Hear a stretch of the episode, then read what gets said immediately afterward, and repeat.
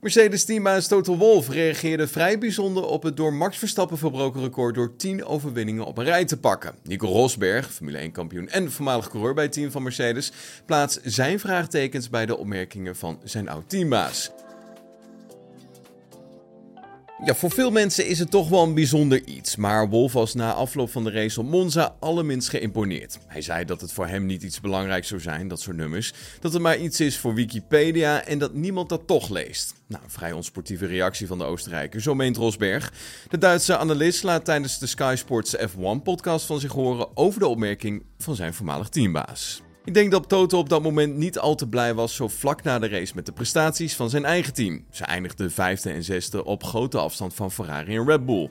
Ja, dat is niet het doel. Ik denk dat Toto daar behoorlijk teleurgesteld was, waardoor zijn antwoord er een stuk negatiever uitkwam en niet bepaald hoffelijk klonk. Niet zo hoffelijk als hij normaal wellicht zou zijn. Het juiste antwoord zou zijn geweest dat hij zou buigen voor Red Bull en zijn respect zou tonen voor de geleverde prestaties. Al dus Nico Rosberg. Ja, Lewis Hamilton en Max Verstappen worden inmiddels vaak tot de grotere coureurs uit de geschiedenis van de Formule 1 genoemd. Al heeft Fernando Alonso wel een kanttekening bij die gedachte.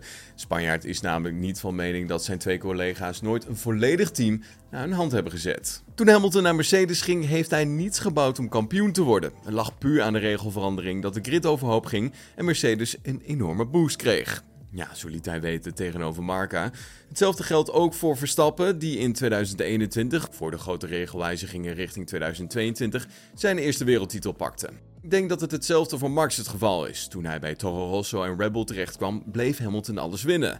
Red Bull is geen winnenteam dankzij Verstappen. Het heeft simpelweg te maken met de regelwijzigingen van 2021 dat hij nu alle races wint. Uiteindelijk moet je net op het juiste moment op de juiste plek zitten. Ik weet dus niet wat men bedoelt wanneer ze zeggen dat je een team om je heen moet bouwen. Al dus Fernando Alonso.